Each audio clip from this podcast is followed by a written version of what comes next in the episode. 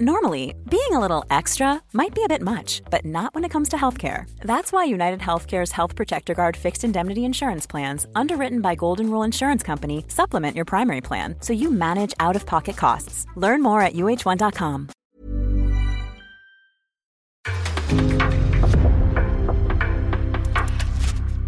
En podcast från Aftonbladet.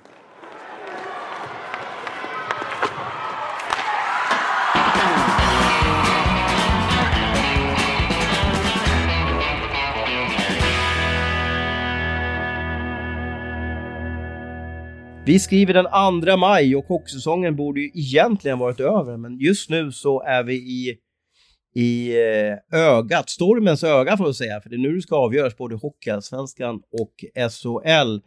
Idag är det jag, Thomas Roos, med i podden och som vanligt är Hans Abrahamsson med med spaningar, anekdoter, analyser och dissekeringar av vad som sker.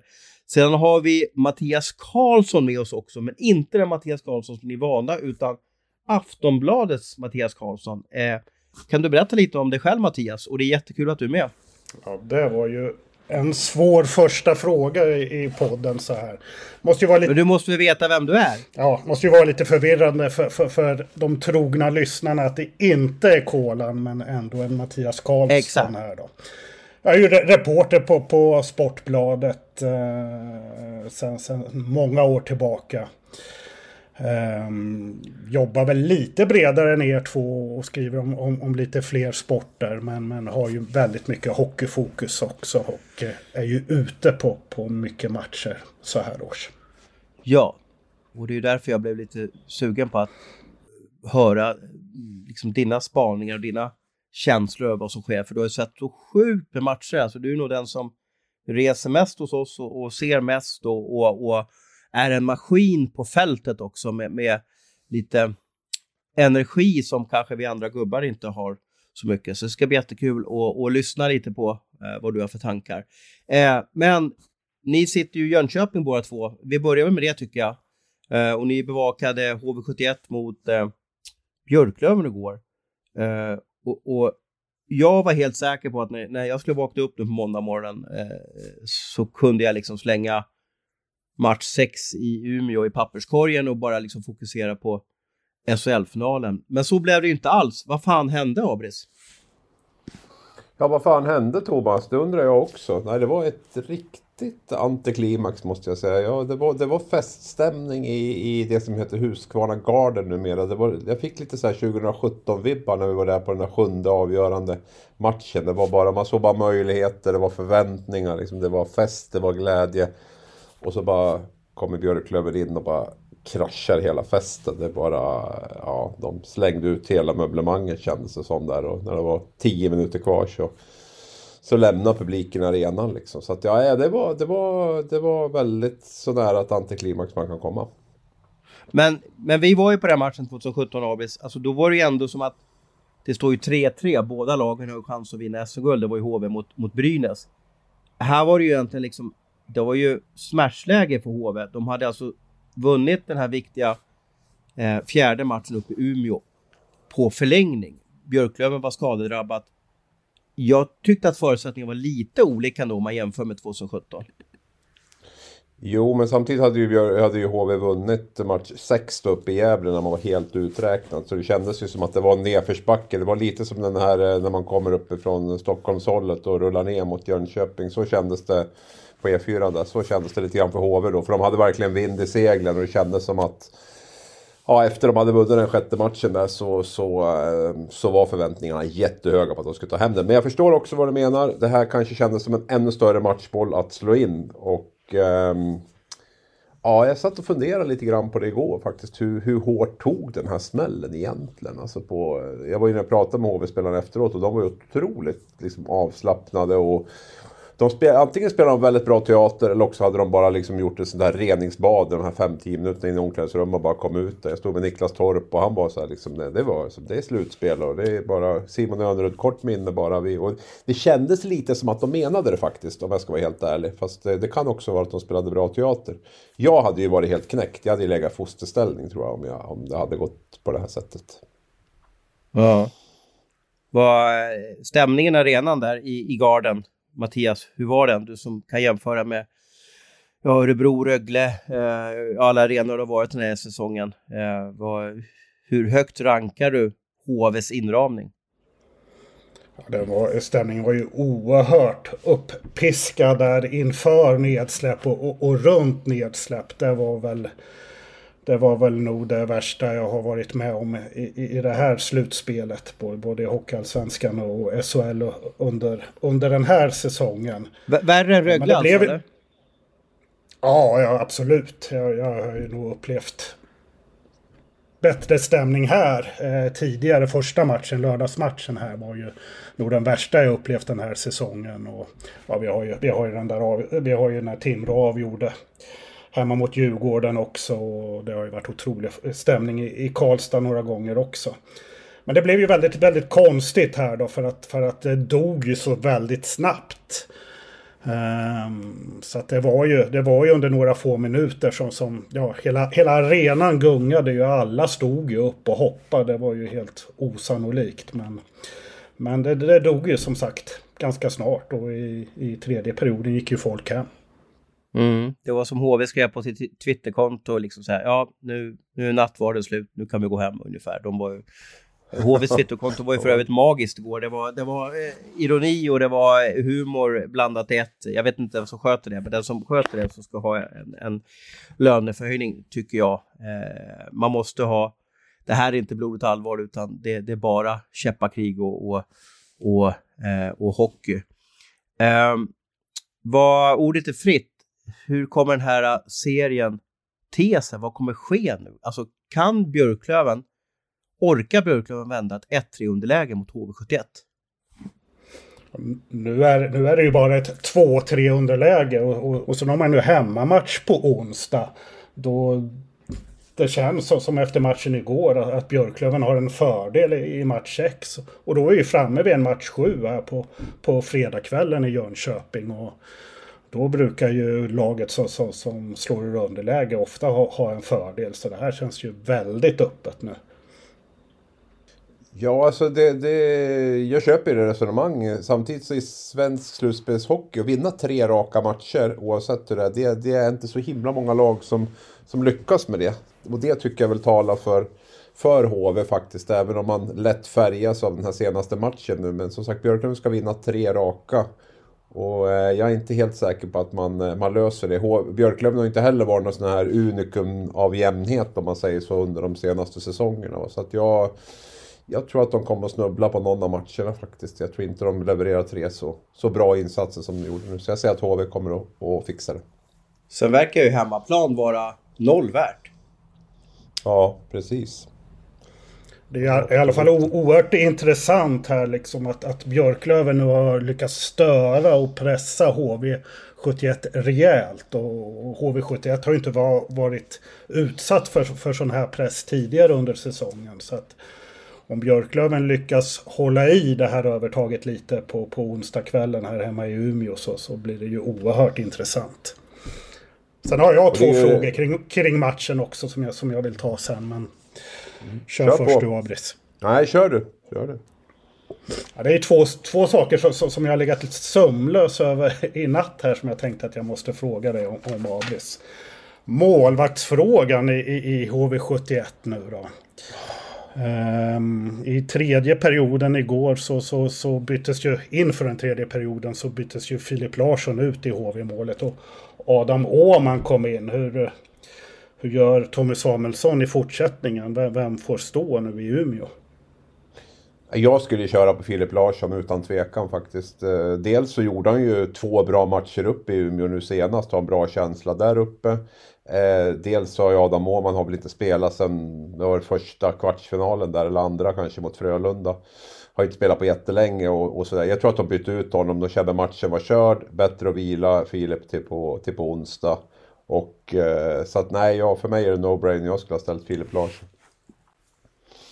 Ja, och eh, då, då, hade han fortfarande Växjöbenskydden förresten? Ja, det lär han väl ha haft. Han har väl inte fått ja. några HVB-skydd i alla fall. Jag, jag är ju jag är ju en estetisk analfabet så jag håller inte riktigt koll på vems, vilka typ av benskydd han hade på sig faktiskt. Jag har ju följt den där serien, jag tycker lite lattjo att han har, har, när han står på uppvärmningen, jag har inte sett han spela, eh, så har han alltså HVs, ja en av HVs värsta. Ja, det, är det, stämmer. Växjö-benskydd på sig liksom då så att säga. Men, men det, var, det spelar ingen roll och Adam också ska man ju veta att har ju ett långt förflutet och HV71 så att det är ju en det är ju en HV-kille, det är väl kanske därför det har gått så smidigt att plocka in honom. Men jag, men jag vet ju om att många har ju haft synpunkter på det här att, att är det verkligen schysst att plocka in en, en så namnkunnig tredjemålvakt? Varför måste... De har ju J20-målvakt och J18-målvakt. De har ju för övrigt jättemånga landslagsmålvakter på, på yngre nivå, eh, HV71 och, och det här backup liksom systemet, hur rättvist det är, eller schysst är det och så vidare. Det är ju en diskussion som har förts bland supportrar. Men Björklöven hade kunnat plockat in ja, vad ska vi dra till med? Matt Tomkins kanske då, eh, som någon namngiven backup då. Eh, sådär. Så att det finns ju, det här backup-systemet kan ju diskuteras i all evighet och hur schysst och hur bra det är. Liksom. Jag förstår ju det där konstiga i den här situationen. Att, att, att han har kommit in i det här laget i, i det här läget. Och, och att, att han då inte har spelat på, på länge. Men jag tycker Adam Åhman är ju en fantastiskt bra målvakt. Jag, det, för mig är det ju till och med en uppgradering från, från Jonas Gunnarsson. Men sen gör ju väl läget då att, att, att um, det blir lite svårt då att, att spela honom fullt ut. Ja. Ja, jag tror att det väger tungt också att Filip spelar bra uppe i Umeå där. Jag tror att det kommer att väga över. Men det är klart att de kanske inte är sena att byta. Och eh, funkar det inte i början på, på den här match 6 här så, så är det väl inte alls omöjligt att man kommer in och eh, även står match 7 om det blir en sån. Men, men eh, jag kan vara helt fel på det också. Det kan ju vara att Tommy Samuelsson väljer Roman från, från start på, på onsdag. Men jag, jag tror på Filip. Jag följde er bevakning och, och eh, med, med noggrannhet igår och jag blev så glad över en sak. Och det var att det var typ inte så mycket tjafs om domarna eller vad som skedde eh, eh, vad som skedde vid domslut eller vem som sa, sa vad och så vidare. Ni hade väl något psykrig där med någon målgest såg jag. Eh, att någon hade någon halvsynpunkt i alla fall på det. Men i övrigt så har ju då, jag tycker de flesta matcherna i Hockeyallsvenskans slutspel och många matcher i SHLs slutspel så har man fokuserat på att domaren är helt jäkla värdelös. Eh, och för mig är det jättemärkligt det där som har skett. Att, att, eh, och jag vill nog påstå att Umeå är lite speciellt där. För var jag, jag gick där i, i Vinpås arena så, så sa alla till mig, Ros, varför har vi så dåliga domare? Och så gick jag en meter till. Varför tar vi inte en SHL-domare? Och så gick jag en meter till. Är det här det bästa domarna vi har? Och så vidare. Det har varit sån oerhörd fokus på domarna så att jag, jag får nästan liksom kramp i, i eh, underbenen. Det, det är för mig helt oförstående hur man kan fokusera på domarna så mycket. Men igår så verkade det inte för en gångs skull vara fokus på domarna och tack för det.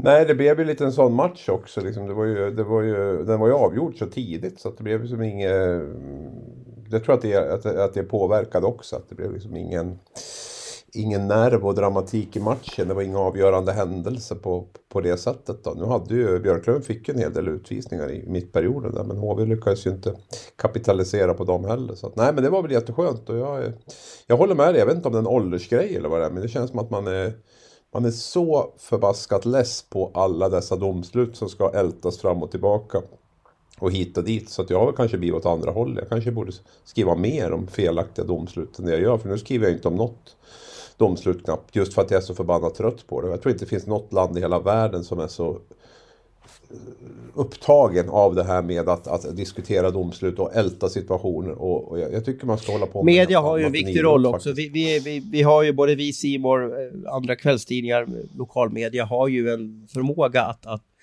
dra till med domslutsvinklar eh, och så vidare. Och där har vi, vi har ju ett ansvar för att inte överarbeta fokusen på vad domarna gör på isen, kan jag tycka. Men så är det ju absolut. Men samtidigt så, så vi kan vi kan ju inte skriva om inte det är reaktionen. Men det är klart om en tränare drar igång på en presskonferens och eldar på mot domarna. Det är klart att vi kan ignorera det totalt. Det kan vi ju göra. Men då är ju frågan om vi om vi ligger liksom eh, rätt i nyhetsflödet om vi gör det. Så att det blir också en svår situation. Och jag tycker att det har eskalerat med, med det här med tränare som ska skaffa sig fördelar under slutspelet gentemot domarna. Där faktiskt att det, att det, det har tagit... Eh, kommit tillbaka lite grann. Det kändes som att det var på väg bort ett tag men nu, nu är det tillbaka igen.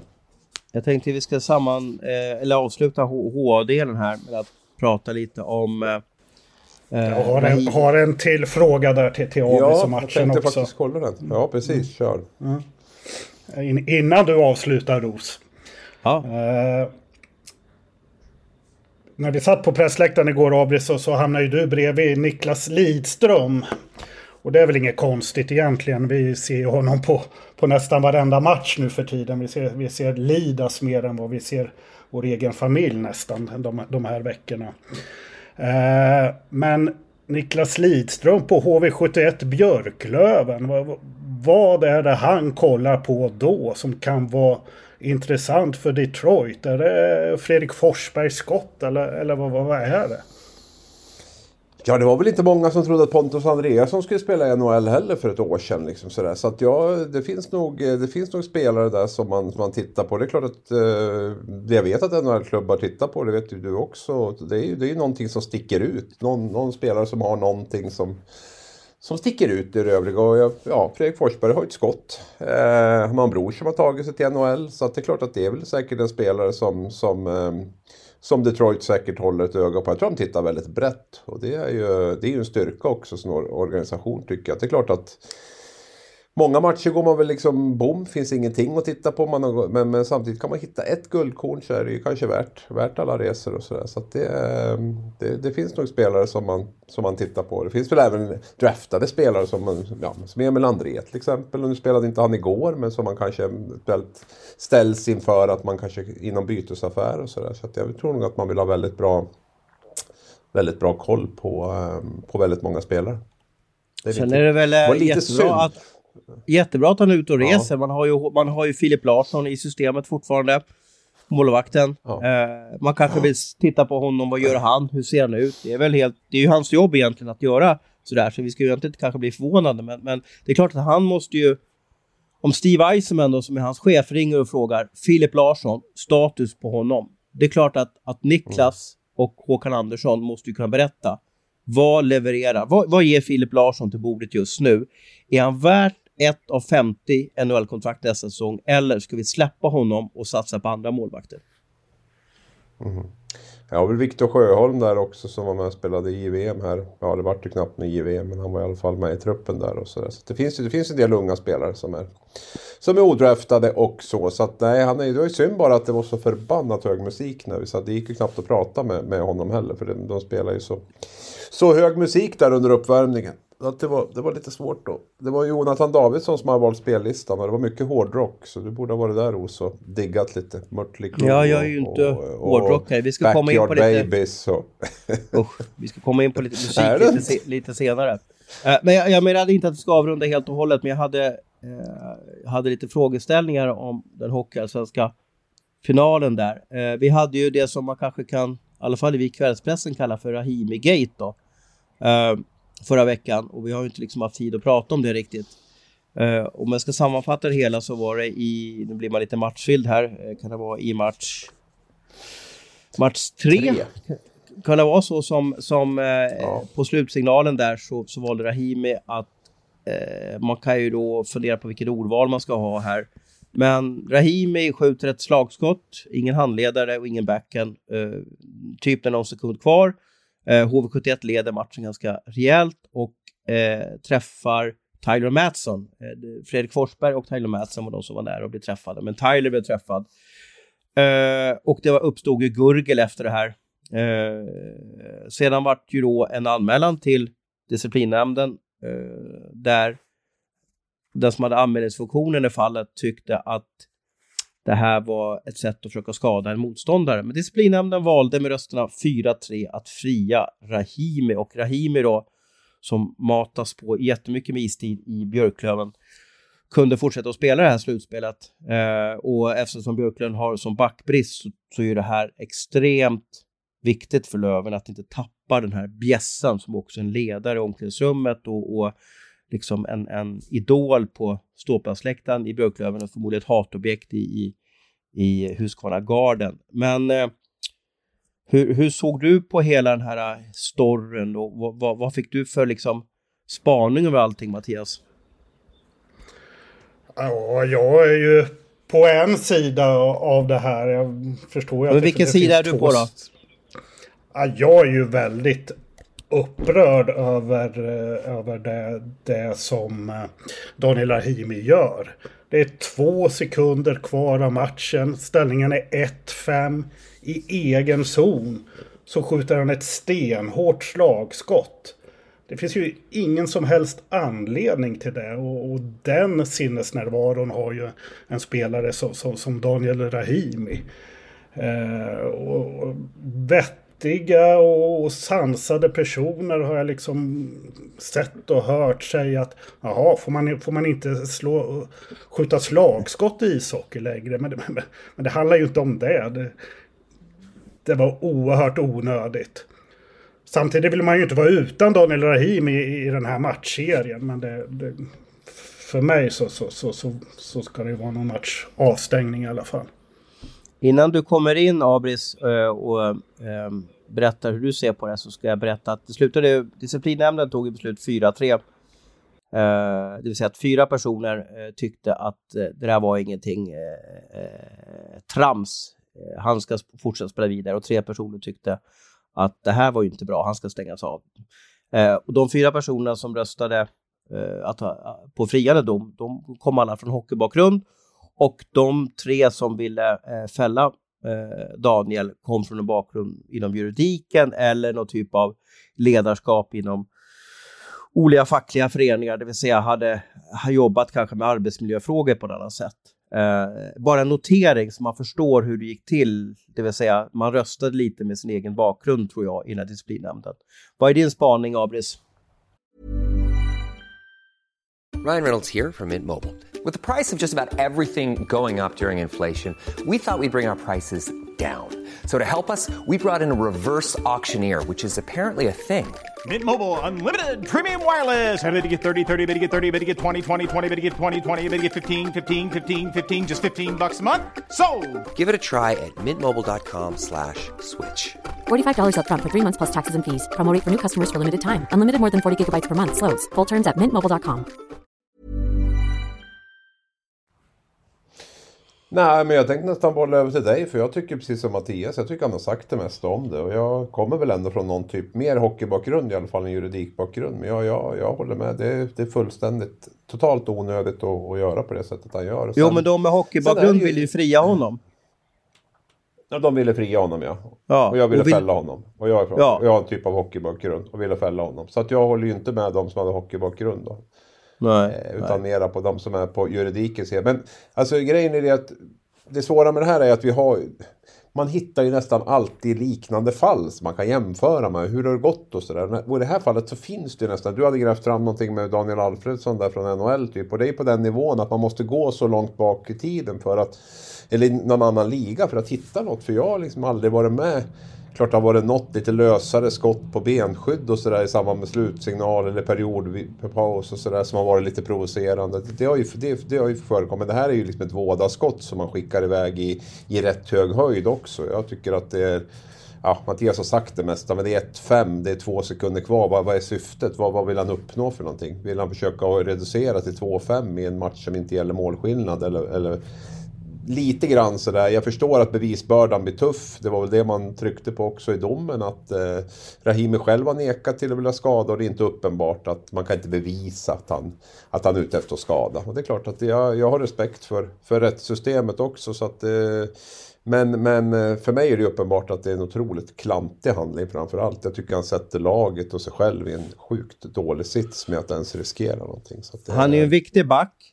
Eh, propparna, han är en vinnarskalle, eh, han har tjänster eh, och med det så kan ju propparna gå eh, eh, vid sådana här lägen. Ska han överhuvudtaget vara på isen när det är några slutsekunder kvar av en sån här viktig match?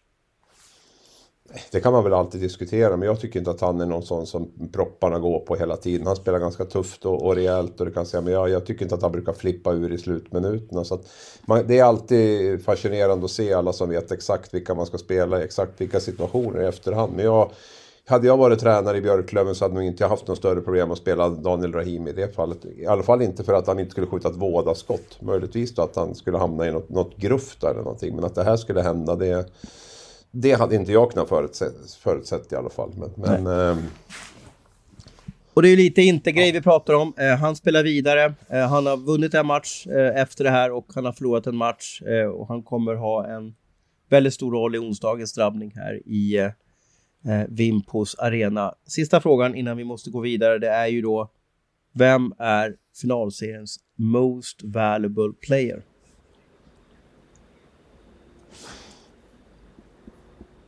Har du något bra namn Mattias?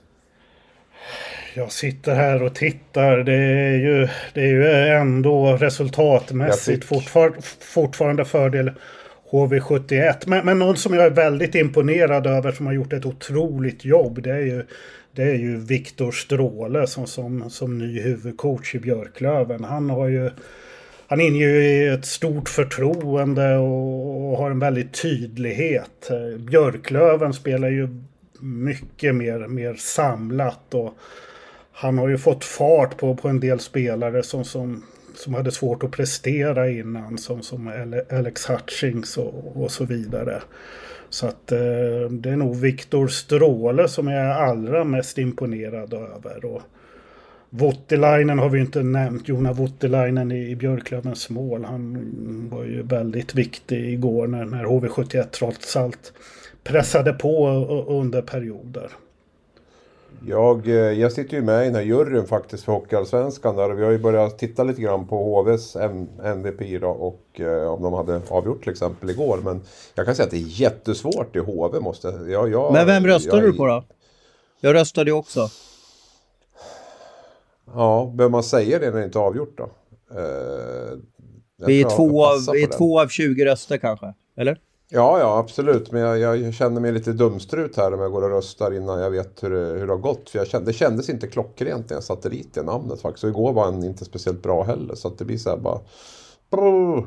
Nej, men jag hade nog faktiskt Chad Billings där av de tre kandidaterna de hade. Men jag, jag kände mig långt ifrån säker på att jag kommer rösta på honom även om HV vinner. Jag, jag tycker att det finns, eh, inte finns någon självklar. Ska jag lyfta fram någon i Björklöven så blir det Fredrik Andersson alla dagar i veckan måste jag säga. Jag tycker det sättet han går in och spelar back på det här slutspelet.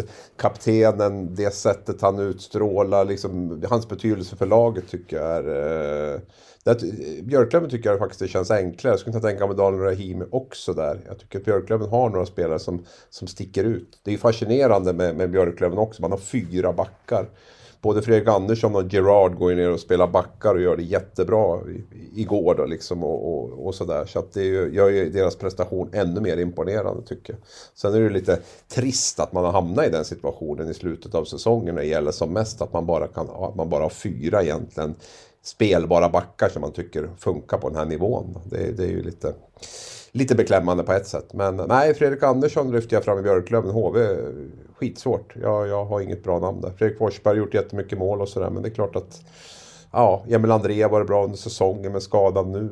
Wessel gillar jag men nej, jag, jag hittar ingen klockren. Och jag, jag måste ju framhäva, om det hade tagit slut igår, Fredrik Forsberg. Gör man 10 mål på 13 matcher inför gårdagen och gör de här, alltså klarar av det som är absolut det viktigaste att göra i en hockeymatch, det vill säga mål. Att hitta den här luckan som man gör hela tiden högt upp i, i, i nättaket. Eh, jag tyckte att det var magiskt. Eh, inför gårdagen så har han gjort 10 mål på 13 slutspelsmatcher. Och då skulle jag säga att han, han matas inte på med, med, med jättemycket istid heller, men när det, är, när det är powerplay så har han den där förmågan med sitt magiska ja, släpande slagskott. För mig har, är, det, är det det som är en, en MVP, att man klarar att göra det som absolut svåraste, det är att sätta pucken i mål och göra gång på gång på gång. Så det var mitt val. Men nu igen, vi drar i handbromsen, vi går tillbaka. Det blir eh, eh match 6 i Umeå. Ny, det är dags för nya hjältar att födas eh, och vi har fått våra namn. Men vi måste släppa Hockeyallsvenskan. Vi har pratat dessa 30 minuter om Hockeyallsvenskan. Vi måste rusa vidare. Eh, vad vill ni prata om nu? SM-finalen kanske? Ska vi rusa på den? Eller vad är bästa- bästa- Schweiz bästa eller? Hockeyettan eller? Bästa trycket? Vad är det bästa Små, trycket? småkronorna får vi inte glömma sen heller. Nej, nej, nej. Eh, jag tänkte jag skulle läsa en liten, eh, liten eh, ett sms från er. Får jag göra det eller? Det beror på vad det står. Ja, det, du kan vara lugn så att säga.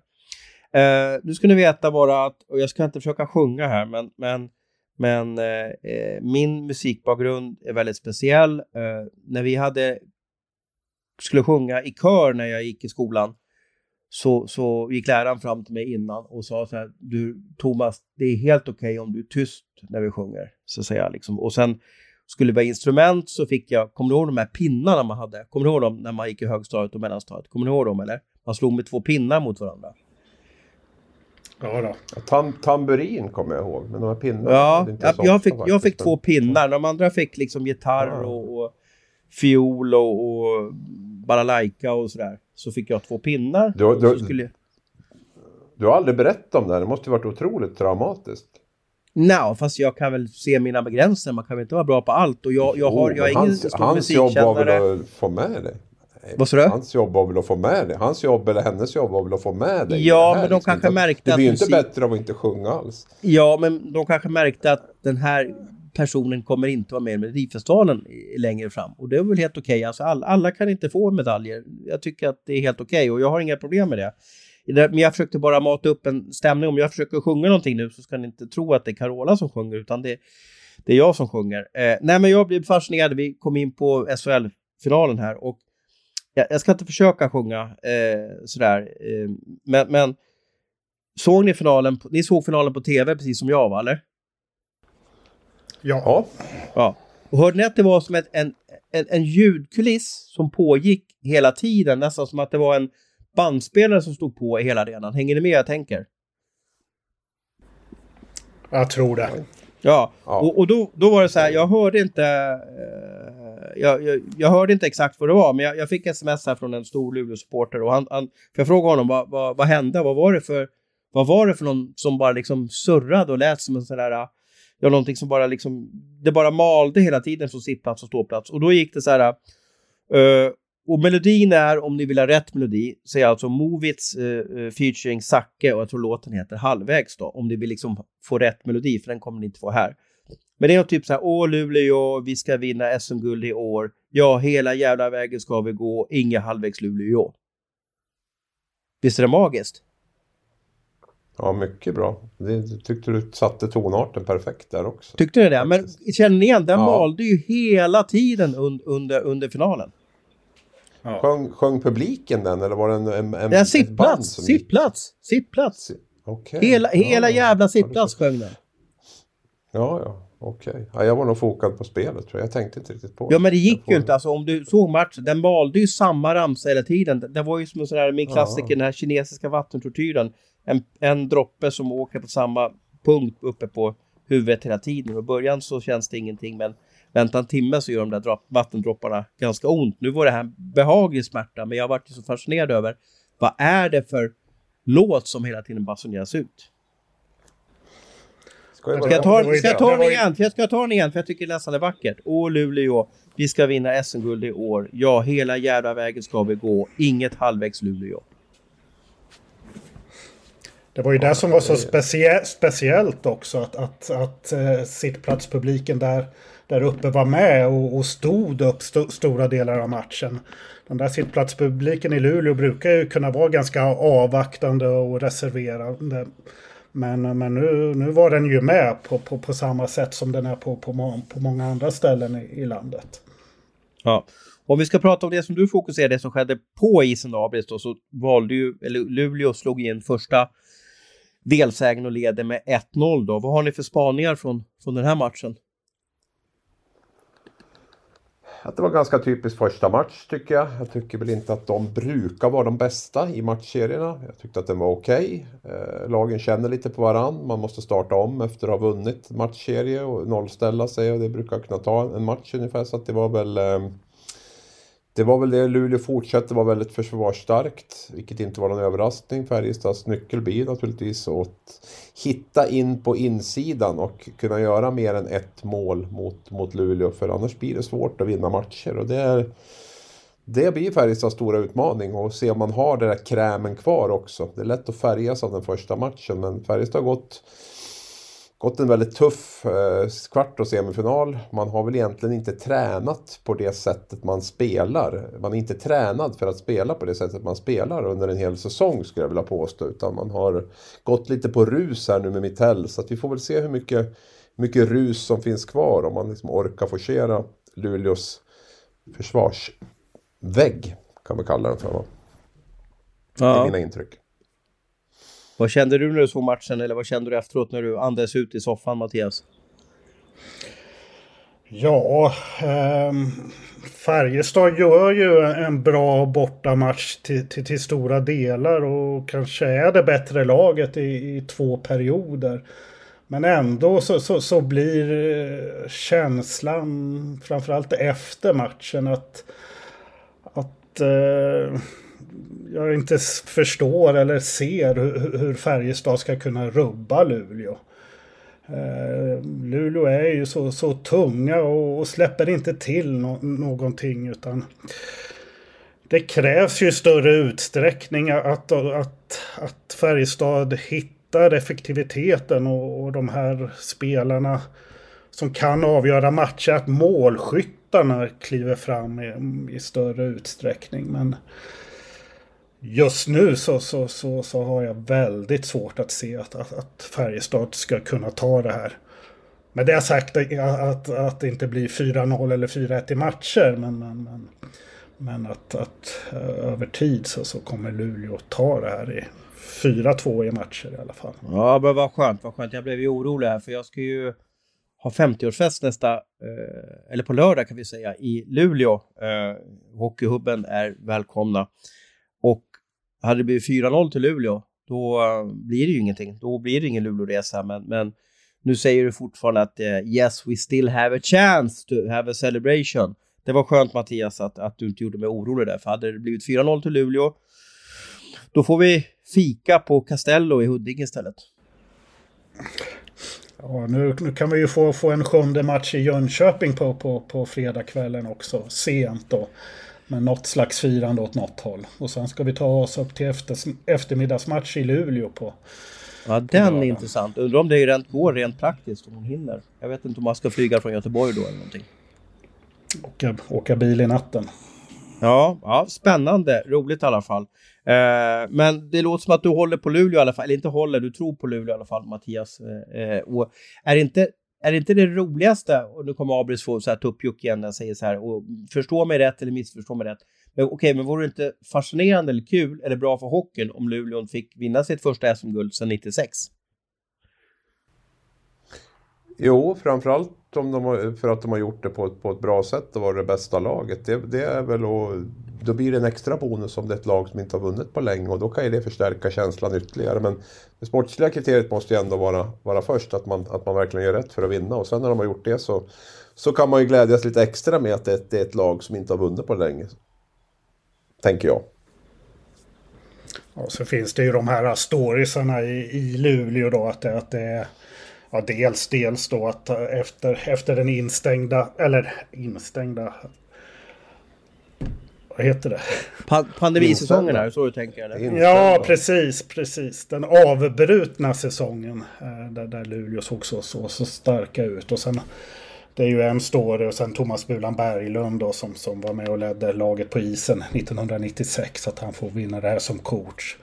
Och, och Linus Omark som, som kommer hem och och med det här tydliga mission att, att leda laget eh, till, till, till ett SM-guld och lämna någonting efter sig i, som lever kvar i, i Luleå. Och vad otroligt imponerande den, den här första kedjan i Luleå var i, i lördags. De blev ju så hårt tagna med, med, med Jesse Virtanen i, i spetsen. Men ändå så, så tappar de inte humöret på något sätt. Och, och det är de som, som, som avgör matchen sen med, mycket med, med, med ledningsmålet i, i början av, av, tredje perioden. där. Man får ju känslan av att eh, Tyrre blir staty där på, på, utanför ja, Stadshotellet. Om, om liksom det här håller i sig. Det är nog, o, det är nog Omark som Vista Ty skulle jag faktiskt tippa Ja, men jag får en känsla att All Tyrre, liksom, alla pratar om Tyrre. Där uppe, att de, okej Omark är ju alltid. Omark, men att det är nummer 21, att han liksom är, jag ser på Instagram och sådär liksom, in 21, vi trust och sådär liksom, att de, de är helt, de går bananas över Tyrre där uppe då. Ja, han har en egen flagga också på ståplats där va. Har jag sett. Med nummer 21. Nej men det, men du Thomas Mittell går ju stenhårt åt Luleå och tycker att de filmar och ramlar enkelt och, och, och förstärker situationer. Vad känner ni där? Är Mitell rätt på det? Är Luleå ett filmagäng? Mer än något annat i SHL eller vad tycker ni? Jag tror det är en klassisk eh, tränargrej, jag vet inte. Eh, vi gjorde ju en artikel på det där eh, eh, och jag, jag, jag tänkte när jag läste den artikeln så här, undrar hur många gånger vi har gjort den där vinkeln med att en tränare ska försöka sätta press, använder media för att sätta press på motståndaren och sätta press på, på domaren. Vi hade Sam Hallam som hade något utspel i fjol om, om eh, Rögles eh, superback-sider. Eh, vi hade Gunnar Persson och Roger Melin som var helt fenomenala på att använda megafoner till att sätta press på, på domaren. Så jag, jag, tror inte, jag tycker inte att Luleå är, filmar mer. Jag, jag tror att Metell använder liksom ett klassiskt kort i skjortärmen för att vinna någon typ av fördel i, den- i den här ja, förhoppningsvis jämna finalserien. Ja, um, nej. Det är klart att det har funnits förstärkande moment i Luleå men, men, men, men inte mer än, än någon annanstans. Det där har tyvärr förekommit i, i de flesta lagen. Um, det är väl anmärkningsvärt hur, hur Thomas Mittell har, har, har växt in i den här rollen som, som, som en slutspelscoach. Jag tyckte när han kom in han ju- förändrade ju Färjestad ganska omgående får, får man säga. Men, men vid sidan om isen så, så, så, var, så gav han ett lite nervöst intryck och, och, och lite darrigt sådär i intervjuer. Nu är han ju väldigt självsäker och, och, och har attityd och, och kommer med, med, med de här utspelen. Så, så Thomas Metell har ju verkligen växt in i, i den här rollen som, som, som ledare utåt också. Mm. Hyllades i kvartsfinalerna därför att han hyllades i kvartsfinalerna för att han inte kommenterade domslut. Så sen tog den matchen till och nu är han inne i den svenska modellen där man måste försöka se till att gnälla på domarna och skaffa sig fördelar som coach för att, eh, för att kunna vinna SM-guld. Det är lite sorgligt faktiskt att vi har den, den eh, att det är på det sättet. Faktiskt. Och jag undrar Men, eh, också ja. hur, hur, hur fokuset blir där. Alltså det är ju så att Luleå har ju Brandon Kinnamin i laget. Eh, som, som, om man ska liksom ta ut, om man ber liksom vem som helst, någon som tycker om hockey på gatan och fråga vilka fem spelare vet du om eller, eller tycker du eller, eller har du hört förstärker på isen? Så tror jag väldigt många kommer nämna, ja men han den där killen i, i Växjö och, och han som är i Luleå, han, han förstärker ibland, det har jag sett på sociala medier och så vidare. Så att det är väl klart att om man, om man har då Kinnimin i laget så finns det ju en risk för att, liksom, eller chans, beror på vilket ordval man ska välja, att laget blir kallad för, för filmare. Eh, men jag, jag tror, jag, jag, har, jag, jag kan inte se att det här är ett lagproblematik, utan jag vill se det, det är ett spelarproblematik, att vissa spelare, eh, får man en smäll så, så, så slänger man sig eh, bakåt lite mer och, och sådär. Det gör lite ondare på vissa spelare helt enkelt. Och, och Kinnaman kanske är en sån som gör det, det gör lite ondare på honom än det kanske gör på Erik Gustafsson. Mm. Ska vi rusa vidare till, vad gick ni mest gång på i, i ni satt ju i, i garden där igår. Eh, och kunde ni följa U18 eh, dramat eller var ni helt borta från det? Nej, men vi följde ju med på resultaten där. Vi satt och, och, och berättade för varandra hur det gick där och sådär. Men, men eh, jag ska väl erkänna att eh, jag har ju inte... Jag har ju inte sett matchen och det vart lite som sagt, som jag var inne på i början, det var en väldigt knepig känsla och stämning i, i Huskvarna där och man blev, drogs väl med lite grann i det och, och kunde inte glädjas, eller glädja, men man, man, man var inte inne i, i den här junior- småkronormatchen faktiskt, det måste jag säga. Nej, och jag satt och zappade lite. Eh, jag hade 19-årskalas igår så att jag hade fokus på jordgubbstårta, plocka. Eh, jag hade, eh, jag hade, jag hade Hockeyallsvenska finalen på på tvn och så kollade jag lite på, på mobilen och kollade lite på, på Chris Härenstam var för övrigt helt lysande i kommenteringen. Han är ingen expert utan han satt helt själv där i hundra år kändes som och, och, och, och, tog oss i mål i den här matchen. Och det var ju så att USA då, de, eh, och, och jag ska också försöka förklara vad U18-VM är. Eh, uh, U18-VM är ju en turnering som USA brukar vinna. Uh, Kanada brukar vara starkast i JVM, det vill säga de som är upp till 20 år. Uh, och USA brukar vara starkast i turneringen som är upp till 18 år. Det är ju för att USA laddar för det här, man kan ha alla sina bästa med. Kanada kan sakna väldigt många duktiga hockeyspelare som är uppbundna av juniorligor eh, och så vidare. Så att USA är liksom the powerhouse här. Eh, eh, och Sverige brukar alltid ha ett hyfsat lag. Vi vann ju för något år sedan här och vi går till semifinal och sen brukar USA vinna. Men USA var ju totalt överlägset. Men, men lite sådär som lite miracle on ice. Så jag vet inte vad skotten blev, 51-15 kanske eller något sånt där. Så lyckades ju Sverige vinna. Men det var fantastiskt roligt att se det här dramat. För Sverige liksom på något sätt ledde hela tiden, låg i förarsätet, så kom USA i kapp och sen så vart det, man tog ut målvakten, eh, Hävlid gjorde fantastiska räddningar i mål eh, och sen avgjorde ju Djurgårdskedjan där med, med mål eh, i, i, i tom bur då. Det, det, man behövde få jubla och glädjas lite över svensk landslagshockey. Det, det var den känslan jag hade mest.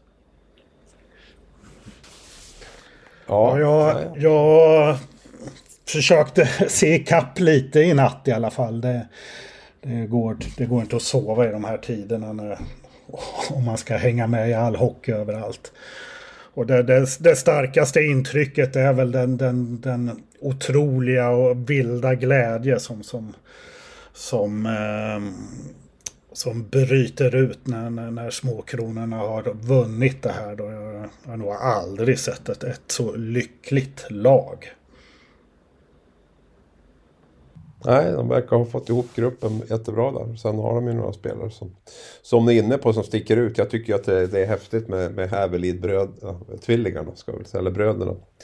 Söner då till Niklas Hävelid, den gamle storbacken och tränas då av sin farbror Magnus Hävelid i, ehm, i det här J18-laget. Då. Och eh, jag tror att de här två kommer att ehm, får spela en hel del i Linköping kommande säsong faktiskt. Det ska bli jättespännande att se dem. Och eh, tror också jättebra för Linköping att man har två så unga skickliga killar som kommer underifrån och, eh, och ja, och liksom skapar en dynamik tycker jag hela organisationen när man får upp den här typen av spelare.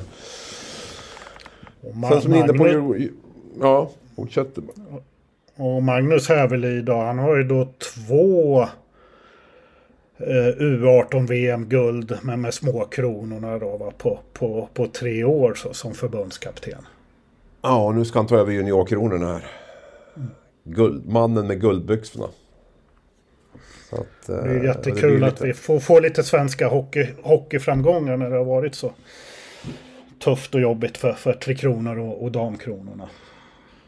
Eh, och det som är intressant är att turneringen började ju i moll också. Eh, det här är ju en turnering där alla lag går vidare till slutspel för övrigt. Eh, så att gruppspel kan man ju fundera på vad, det har för ja, mening egentligen. Förutom att mata hockeyinformation till alla scouter som var på plats i Tyskland eh, för övrigt. För det är många av de här turneringarna, upplever jag, är ett sätt för att berätta för NHL de här godisbitarna finns det där ute i, i hockeyvärlden. Men jag tänkte jag skulle dra Mattias Hävelids säsong Eh, Eh, jag såg den någonstans på sociala medier igår och blev fascinerad.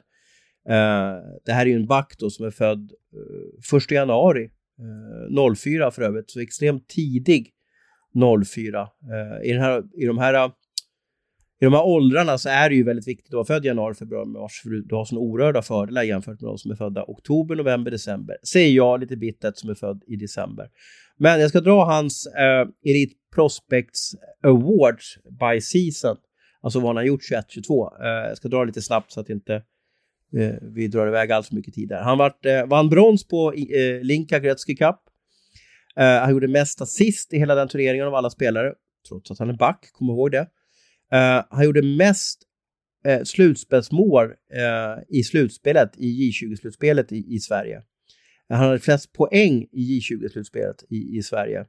Eh, och givetvis flest poäng av en back i, i, i slutspelet. Han blev han blev slutspelets MVP eh, eh, ja, på J20 och han vann då givetvis eh, JSM-guld då.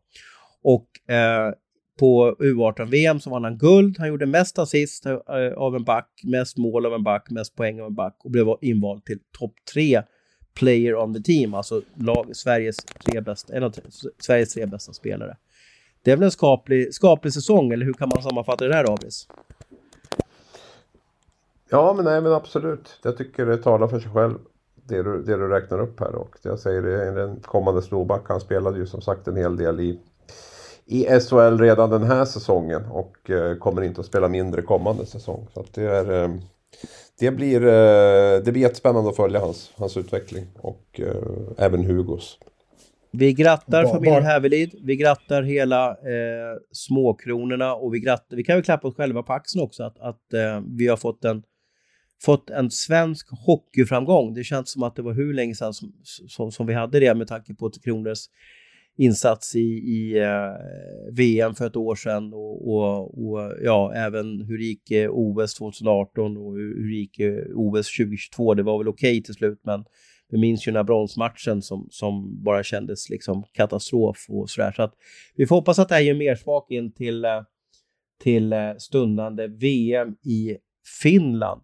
Men vi har ju Hockeyettan också eh, och vi också ett, eh, vi ska prata lite om det som händer i Schweiz eh, Hockeyettan, där var jag ju helt borta ska vi vara helt ärlig. Jag satt ju i Umeå och eh, kollade på matcherna där och eh, hade noll puls av den här Hockeyettan-slutspelet, tyvärr.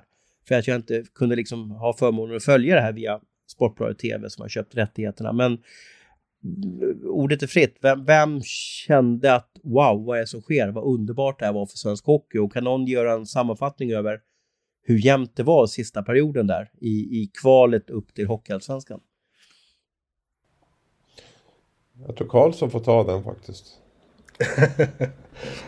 jag satt och kollade på den jag satt och följde, var det Hockeyallsvenskan jag satt och, ja, jag satt och kollade på din match mycket också där. Så jag var lite splittrad också. Nej men berätta du Karlsson om förutsättningarna. Ja, ja, det är ju också faktiskt någon någonting som jag inte hann med att se. Jag, jag, jag prioriterade den matchen i Umeå där också. Då. Men det var ju ett otroligt drama i alla fall. De, de sista minuterna. Jag kan nog inte redogöra för det. Men, men under, under de fem sista minuterna så var väl, var väl stundtals då Hudiksvall, Östersund och Nybro omväxlande i, uppe i Hockeyallsvenskan. Så blev det ju då, då Östersund till slut då, i, i, allra sista sekunden. Eh, och det var ju målvakter som, som togs ut i, i matcherna där och så, så, som blev avgörande. Eh, det är väl jättekul att, att, att, vi får se ett lag som, som Östersund då i Hockeyallsvenskan. Men jag känner ju samtidigt att det hade varit lika roligt att, att se Hudiksvall och, och, och Nybro där. Och det är klart att man också saknar Troja i, i, i Hockeyallsvenskan. Um... Jag, jag brinner ju lite extra för Hälsingland och Jämtland där faktiskt just för att Småland har ju så många lag. Ing, jag har ingenting emot Nybro men, men just att vi får upp ett lag som från ett hockeydistrikt som egentligen knappt har haft elithockey. Hälsingland har väl i alla fall inte haft Östersund var väl uppe i någon division 1 norra serie för 30 år sedan kanske eller något sånt här. Men nej, jag tycker det är jättekul och det är bra att, att, att, att, eh, ett nytt distrikt tar plats i elithockeyn. Och jag ska bara förstärka lite så, så, så våra lyssnare får rätt känsla. Det var nämligen så att Östersund avgjorde med, med, med, ja, i sista sekunden. David Westlund klev fram och säkrade uppflyttningen i, i Östersund. Så att det är ju helt sinnessjukt. Jag, jag vet att många jag mötte i Vimpås arena, de bara Oh, har, du följt, har, du, har du följt dramat på, på ja, eran spelare, Aftonbladet spelare? Helt otroligt liksom så, här. så att jag tror att det här var en gastkramning när kvalserien är som bäst. Man kan ha synpunkter på kvalserien, men, men det där dramat tror jag var en, en, en tv-klassiker. Så det var ju synd att alla tre satt och kollade på samma match, att ingen fick ynnesten att, att se vad som händer, händer där. Det var, det var lite synd. Eh, eh, och direkt efteråt när det stod klart att Östersund blev klara för eh, av vår näst högsta serie så var det så att jag började se liksom på olika sajter att nu planeras det liksom då och, och göra helgresor till Östersund och samtidigt åka, göra en avstickare till Åre och åka skidor. Du vet, man åker skidor hela dagen och så ser man typ Östersund-Djurgården eller Östersund-Björklöven eller Östersund-HV eller vad det nu kan vara eh, på kvällen och så vidare. Det, det öppnar upp ett distrikt som har varit helt stängt för ja, någon typ av elithockey. Ja, det kanske blir något för oss också att satsa på då. Åka upp och jobba där uppe och passa på att ta en skiddag. Ja, du var ju till Åre i vintras. Då har du bara gjort en avstickare till Östersund och bevakat lite Hockeyallsvenskan också. Ja, jag hade kunnat bevaka Hockeyettan egentligen. Så dramatisk och eh, populär som den har blivit. Kvalserie eller slutspel då? Vad föredrar ni? Hockeyettan har ju faktiskt det båda. De har ju både ett slutspel och kvalserie. Ja, fast det avgörs ju i kvalserie. Ja. Jag menar vilket det ska avgöras. Ska det avgöras genom ett slutspel eller ska det avgöras genom en kvalserie? Jag tycker eh, ett slutspel. Eh, jag tycker att kvalserie så att vissa år så kan det bli man trodde ju för övrigt att den här kvalserien var helt avgjord, men, men jag har sett många år som det varit lite sådär. Eh, det, det, krävs att, att en kvalserie lever in till sista omgången för att det ska, kvalserien ska vara det optimala. Sen är det alltid, man kan ju alltid diskutera det här att, att den sista omgången kvalserie, ja vilka är som möts? Har lagen någonting att spela för? Har man skickat hem sina bästa spelare? Ja, och så vidare. Jag, jag tror att det rättvisaste och det som kan bli helt magiskt, vi kanske har det framför oss på fredag, det är att det går till match 6 eller 7 i en typ av finalserie eh, och i potten så står en plats i SHL. Det är ganska häftigt. Karlsson?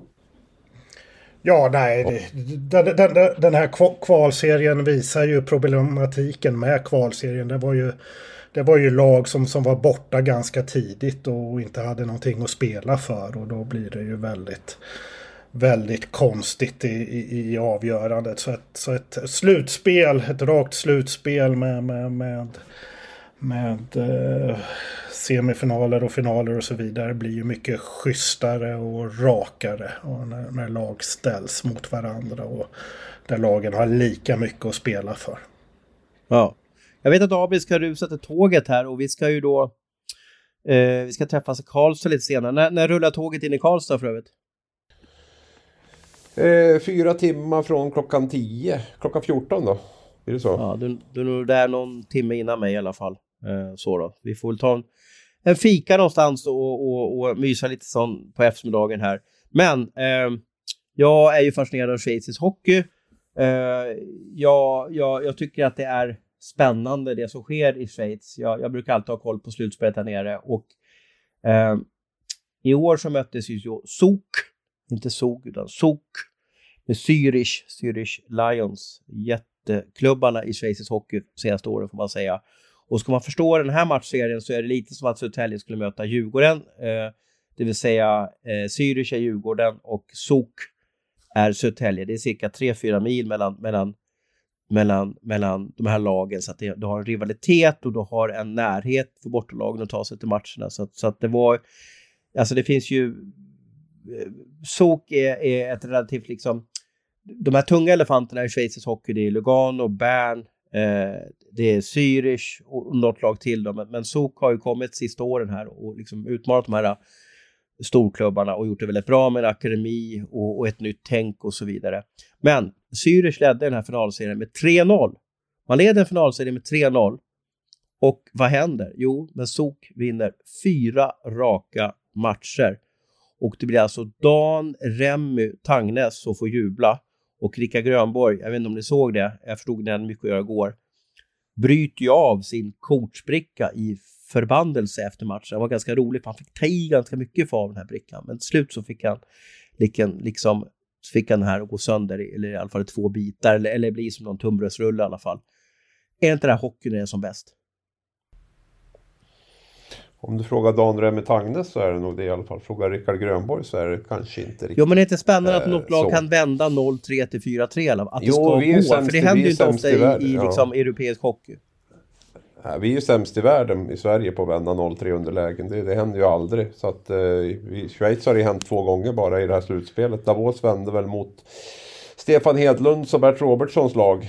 Eh, ja, i, kva i kvarten. I, I kvarten, ja. ja. Precis. Och, eh, och nu vänder de i finalen. Och, och vända i en final, det tror jag läst jag vet inte om det var, det var Toronto någon skrev, att de, det var typ på 40-talet eller någonting. Som det har hänt i en final, att ett lag har vänt 0-3. Det är skithäftigt.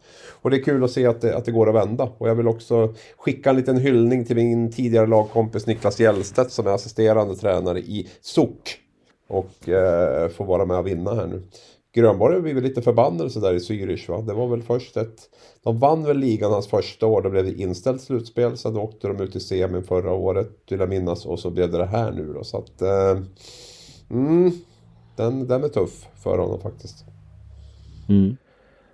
Vilken... Ja, det är som eh, Abri ja, det är som Abri säger här att det är så jätteroligt att se att, att, att det verkligen går att, vända sådana här underlägen. Jag tycker att, att i svensk hockey har det blivit så stor uppgivenhet när man hamnar en, Ja. med ett par, par matchers underläge och att, att allt, allt är avgjort och kört. Men vi, vi, vill se rullar på, mycket, men- vi vill se mycket mer sånt här och, och långa levande finalserier och, och eh, många övertidsperioder.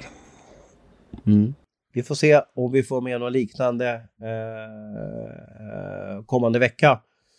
Björklund har ju chans att vända 1-3 underläge till 4-3 och eh, vi får se vad, eller vart någonstans som eh, Luleå och Färjestad tar vägen. Vill ni prata om något mer eller ska vi släppa våra lyssnare och fokusera på resor, kommande matcher, akkrediteringar, hotellbokningar, nyheter silly season och så ser ditt lag ut nästa säsong. Eh, är vi klara eller vill ni tjata mer?